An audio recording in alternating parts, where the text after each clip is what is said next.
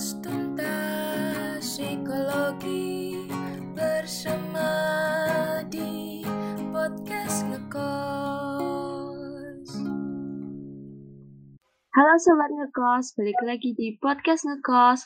Ngobrol sore bareng anak sosmas. Ya, jadi nggak kerasa udah beberapa minggu setelah podcast pertama kita Terus sekarang udah launching podcast kedua Episode kedua, yeay Nah, di podcast kedua ini ada aku Aca dan ada teman aku ya ada aku sama Fafa bakal ngisi podcast kali ini.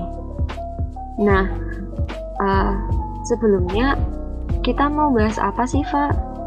Uh, kita mau bahas serba-serbi psikologi. Wah, Pasti seru nih. psikologi itu Ya, terus kemarin kan kita juga udah bikin uh, question di Instagram ya, bikin Q&A.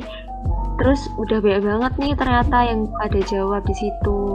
hmm, Nah, terus uh, dari hasil Q&A kemarin ada beberapa pembahasan yang bakal kita bahas di podcast kali ini.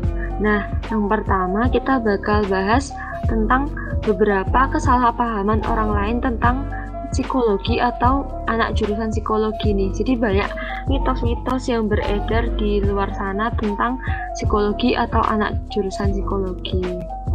Nah, eh, kesalahpahaman ini tuh kayak banyak tentang ngomongin kayak eh, anak psikologi itu bisa baca pikiran ya. Terus kalau katanya eh, katanya di TikTok atau di apa gitu fakta psikologi kalau kita mimpiin seseorang berarti dia lagi kangen gitu terus habis itu eh, katanya kalau anak psikologi itu dikira paling bijak dan mentalis stable padahal gimana tuh Fa?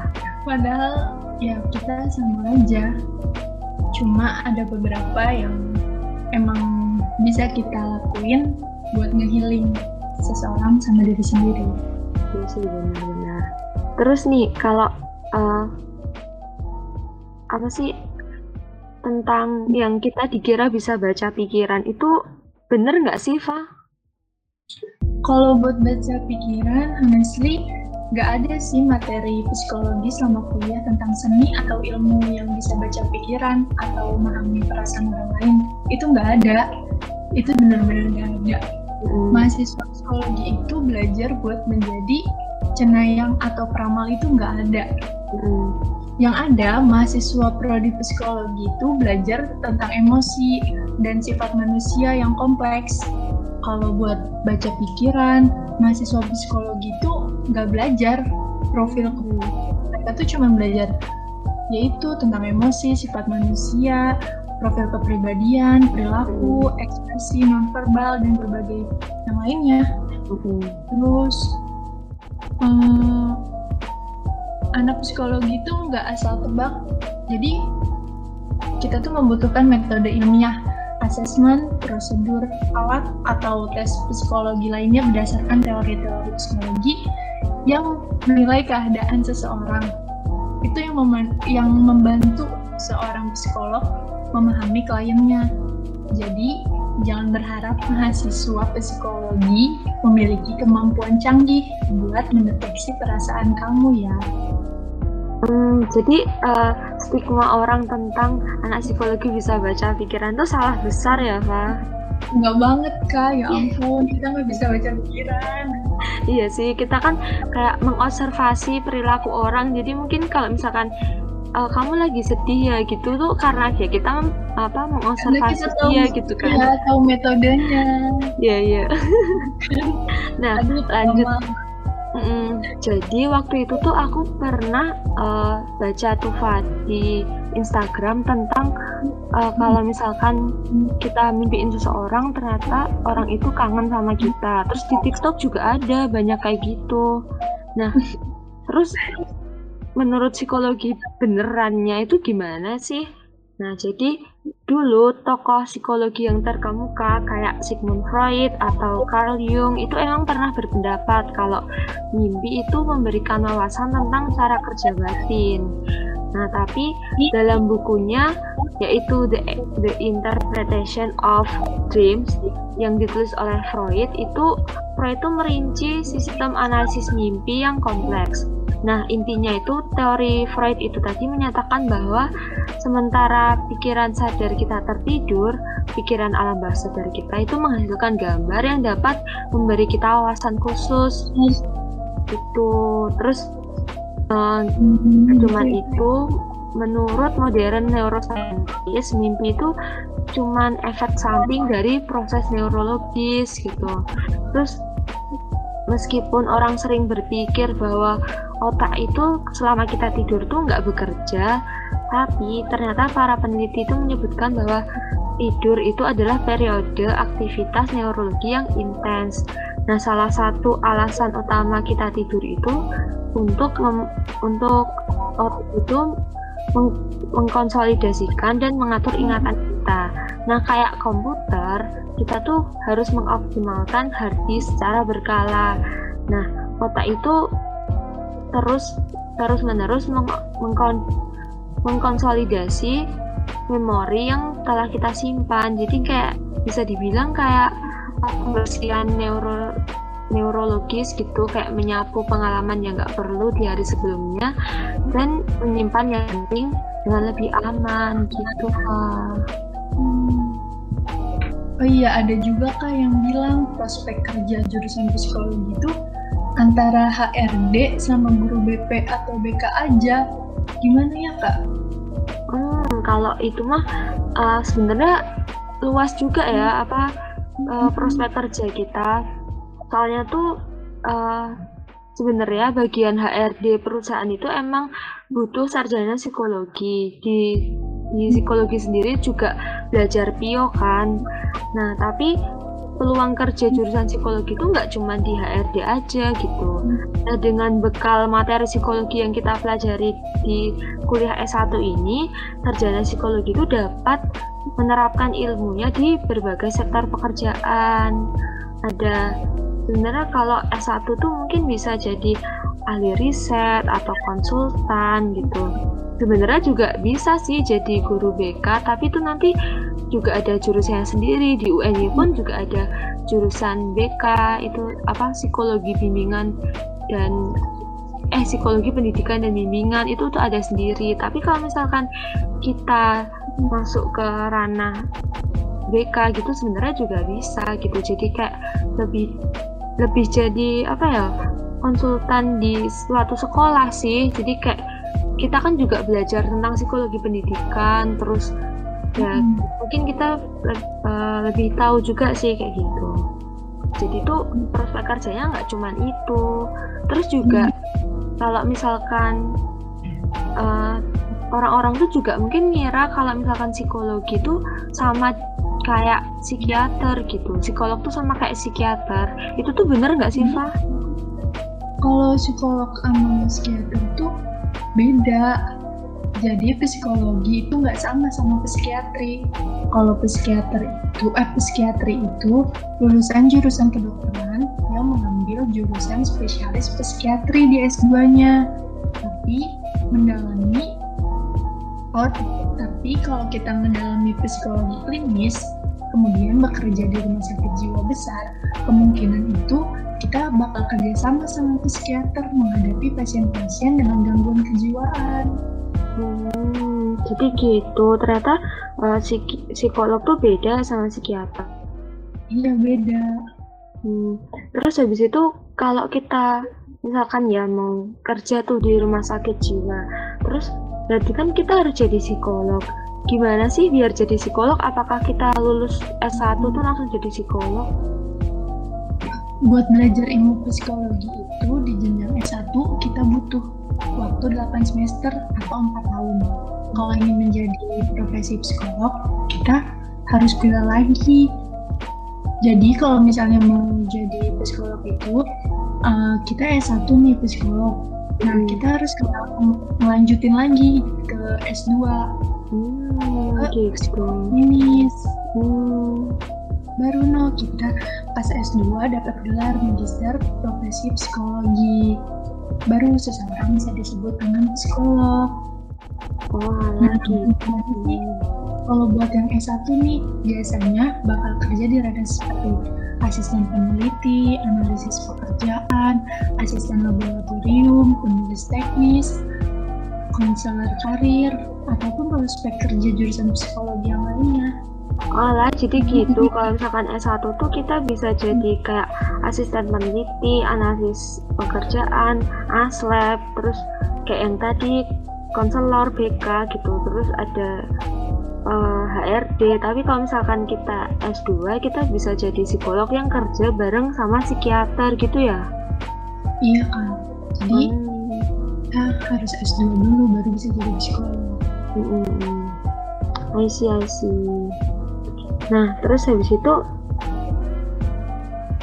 kemarin di Q&A itu juga sempat aku nanyain setelah dengar stigma kayak gitu dari orang lain biasanya pada ngerespon gimana sih?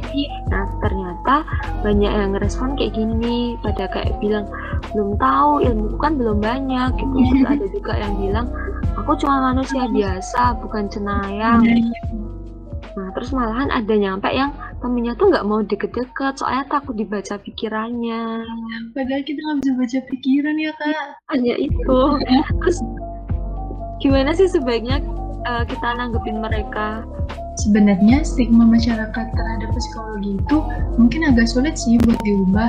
Makanya kita sebagai orang yang lebih paham tentang ilmu psikologi harus berusaha mengubah stigma dan mengedukasi masyarakat. Salah satunya adalah sosialisasi secara personal dan juga dapat melalui acara-acara besar kayak seminar, workshop, biar masyarakat paham dengan benar pandangan psikologi yang sebenarnya dan terhindar dari stigma yang tadi Hmm.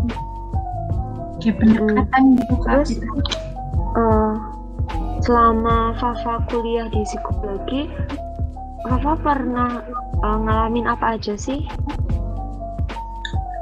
Kalau dari teman-teman ya itu mereka kayak minta di healing kayak Hmm. lagi galau nih atau lagi frustasi nih gara-gara ini gitu Hmm.